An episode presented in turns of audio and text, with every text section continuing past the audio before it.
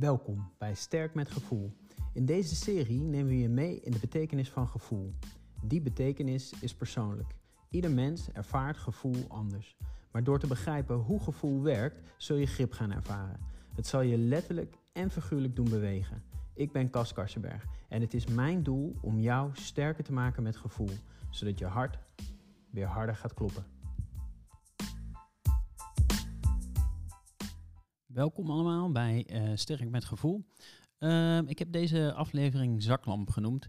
En uh, nou, zaklamp, dat kwam eigenlijk naar voren naar aanleiding van mijn vorige podcast. En ehm, dat was omdat mijn vrouw aan mij vroeg, terwijl wij, ja ja, de podcast aan het luisteren waren tijdens de vaat. En zij zei van, ja maar Cas, hoe werkt dat nou eigenlijk, die gerichtheid? Ehm, want jij zegt als je de hele dag bezig bent, kun je de neiging hebben om je steeds naar buiten te richten. Dus met je omgeving bezig te zijn en met dat wat je doet. En minder met jezelf waarnemen. Moet ik dan elke keer uh, deze meditatieoefening blijven doen in deze podcast? Nee, uh, dat hoeft niet. Um, ik ga proberen met mijn podcast jou eigenlijk telkens weer eventjes een reminder te geven om je bewust te maken dat je ook nog een ik heb. En um, dat je zelf kunt voelen en waarnemen. En dat je dan automatisch steeds iets bewuster wordt van je eigen ik, om het zo maar te zeggen. Um, nou ja, en ik wilde dat eigenlijk nog verduidelijken naar aanleiding van een zaklamp. Helaas kan ik jullie niet laten zien dat ik hier een zaklamp heb. Um, ik heb hem ook niet, maar ik gebruik hem even als voorbeeld. Um, als je een zaklamp aan hebt, in het donker weliswaar, uh, dan schijn je voor je uit en dan is het beeld ook helder en duidelijk voor je uit. Maar je ziet ook alleen daar waar je de zaklamp op schijnt.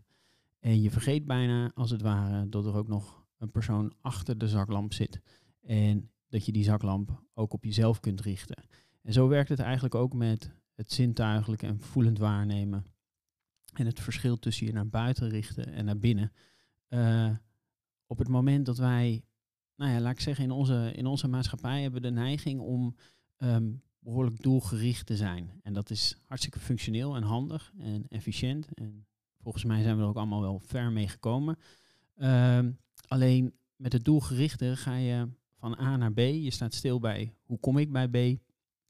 En tegelijkertijd um, ja, wil je dat zo snel mogelijk misschien wel en zo ja, efficiënt mogelijk. Alleen wat we daardoor vergeten is dat je van A naar B gaat, maar onderweg misschien ook nog kunt genieten. Hè? Op vakantie ga je van A naar B, maar ben je juist in de reis, zeer waarschijnlijk de meeste onder ons, uh, aan het genieten. En um, ja, ben je lekker door de bergen aan het wandelen, voor degenen die dat fijn vinden. En ben je niet alleen maar bezig met, die, met, die, met dat eindpunt, maar uh, geniet je van de reis onderweg. Um, nou, zo werkt het eigenlijk ook met, met hapto en het voelend waarnemen. Um, je bent eigenlijk in plaats van dat doelgerichte, ben je af en toe even een zijstap aan het maken om stil te staan bij, hey, hoe voelt dit voor mij? Hoe is het? Wat wil ik eigenlijk vandaag in dit moment? En heb ik het nog een beetje naar mijn zin? En die beweging, die is niet per se vanzelfsprekend meer. En um, ja, tuurlijk zijn yoga en meditatie en ook hapto uh, steeds meer een, een, hype aan het worden. Um, uh, maar eigenlijk komt het uh, voort uit ons verleden, om het maar zo te zeggen. Als je kijkt naar de evolutie, Fabio uh, de Agata, die schrijft daar mooi over in zijn boek Intelligent Bewegen. En um, hij schrijft wel mooi in die zin dat hij zegt van ja, de essentie van bewegen en het zintuigelijk waarnemen, dat heb ik er zelf even aan toegevoegd, is uh, minder aanwezig. Waarom? Omdat we vroeger op de savanne liepen of uh, nou ja, in de jungle. En um, dat we daar bezig waren om te struinen en te zoeken naar eten. En um, we moesten onderweg ook nog opletten of we niet in gevaar waren. Dus we moesten er nog een beetje bij ruiken en kijken, observeren. Um, dus je was heel zintuigelijk bezig de hele dag. Niet dat ik terugverlang naar die tijd, uh, maar de hele dag bij wijze van spreken achter je computer zitten, doet niet zo'n groot beroep meer op dat fysieke, zintuigelijke aspect. Uh, waardoor we ook minder de zaklamp gericht hebben op onszelf. Je voelt je lijf gewoon simpelweg minder. Op het moment dat je lekker gaat bewegen, Ik noem het lekker. Sommigen vinden het af en toe even een drempel. Uh, maar het lekkere zit hem vooral ook na die tijd. Dat je na die tijd denkt van, oh, dat doet me goed. En dat doet me goed, dat heeft uh, te maken met dat je meer in je lijf zit. Je voelt je lijf na het bewegen, voel je gewoon wat meer. Je hoofd, om het zo maar te zeggen, zoals wij het meestal in onze taal zeggen, is, staat wat meer uit. Um, en doordat je lijf wat meer aanwezig is, zit je letterlijk ja, lekkerder in je vel. Um, nou, um, je hoeft van mij ook niet elke keer te gaan rennen, ook niet elke keer te mediteren. Een muziekje luisteren kan ook al helpen om meer stil te staan bij het zintuigelijke aspect. En muziek roept vaak ook nog wel een emotie of een gevoel op. Um, nou ja, en dan heb je in ieder geval weer eventjes stilgestaan bij jezelf. Want de valko is dat je, nou ja, dat ken ik van mezelf. Dan kan ik achter de computer zitten, lekker bezig zijn, doelgericht. Um, en op een gegeven moment kom ik erachter dat ik um, naar de wc moet. Of eigenlijk, ik moest al heel lang naar de wc. Sterker nog, ik ben het eigenlijk al een uur aan het ophouden. Maar ik had het wel een soort van door op de achtergrond, maar eigenlijk ook weer niet.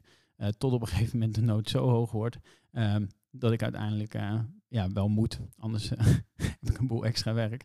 Um, nou, in ieder geval, hè, hetzelfde gebeurt vaak met honger achter de computer. Dat je lekker kunt werken of bezig zijn en op een gegeven moment um, eigenlijk door hebt dat je je lunch vergeten bent. Nou, dat komt omdat je zintuigelijk gewoon wat minder lekker aanstaat. En um, nou, dat aanstaan, dat kun je op, op heel veel verschillende manieren bereiken. En als je kijkt naar burn-out gerelateerde klachten of depressiviteit of um, nou, zo zijn er nog uh, behoorlijk wat voorbeelden te noemen, waar ook zeker dat, dat affectieve, gevoelsmatige waarnemen, dat we juist daar gewoon letterlijk en figuurlijk minder een beroep op doen. En um, nou, alles in mijn podcast is erop gericht om jou af en toe even weer wat bewuster te maken van die beweging naar binnen. Even jezelf voelen en waarnemen. En uh, ja, dat klinkt nog steeds een beetje zeepig. En uh, het klinkt nog steeds een beetje, hm, um, ja, moet dat nou in deze tijd? Maar ja, juist in deze tijd, omdat we dus automatisch al minder een beroep doen op dat zintuigelijke, verliezen we het steeds meer. Maar daardoor verliezen we eigenlijk ook echt dat lekkere lijfelijke waarnemen en voelen. En um, nou, dat is in de kern wel waar we ons lekker bij voelen, waar we lekker bij gedijen. Als, als het denken iets meer uitstaat en het voelen iets meer aan, dan staat dat wat meer in balans. Het denken is geen slechterik in dit geval. Het is hartstikke nuttig, maar het is ook heel nuttig om lijfelijk weer wat meer aan te staan. Um, vandaag um, wil ik nog um, ja, eventjes met jullie stilstaan. Dus een soort van oefening doen om weer wat meer stil te staan bij dat voelende aspect. En dat doen we door, nou ja, je mag je ogen even dicht doen. En probeer eens stil te staan bij wat je op dit moment in je lijf voelt. En het kan zijn dat je ja, je wat gespannen voelt. Of juist wat rustiger. Misschien was je de hele dag al wel druk in de weer, of juist niet. En sta stil bij hoe je dag tot op heden verlopen is. En herken of je daarover oordeelt of niet. Of dat er een bepaald gevoel bij zit in je lijf.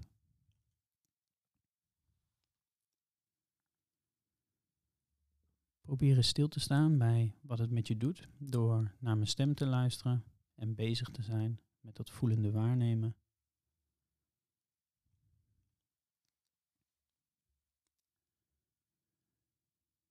En je mag eens even een mooi moment uh, voor de geest halen. Met een dierbaar iemand. Een van de mooiste momenten in je leven.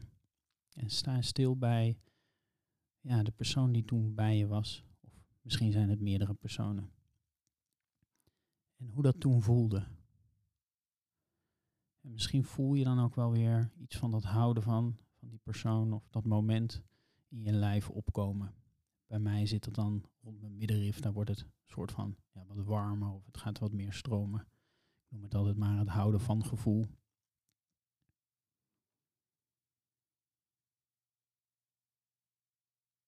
En uh, nou, kijk eens of je dat warme, fijne gevoel wat je als het ware hebt opgeroepen door even stil te staan bij dat moment of degene waar je heel veel van houdt.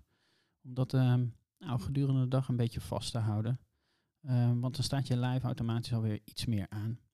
Ehm, nou, ik hoop dat het weer eh, leuk, nuttig en leerzaam was. tot de volgende keer.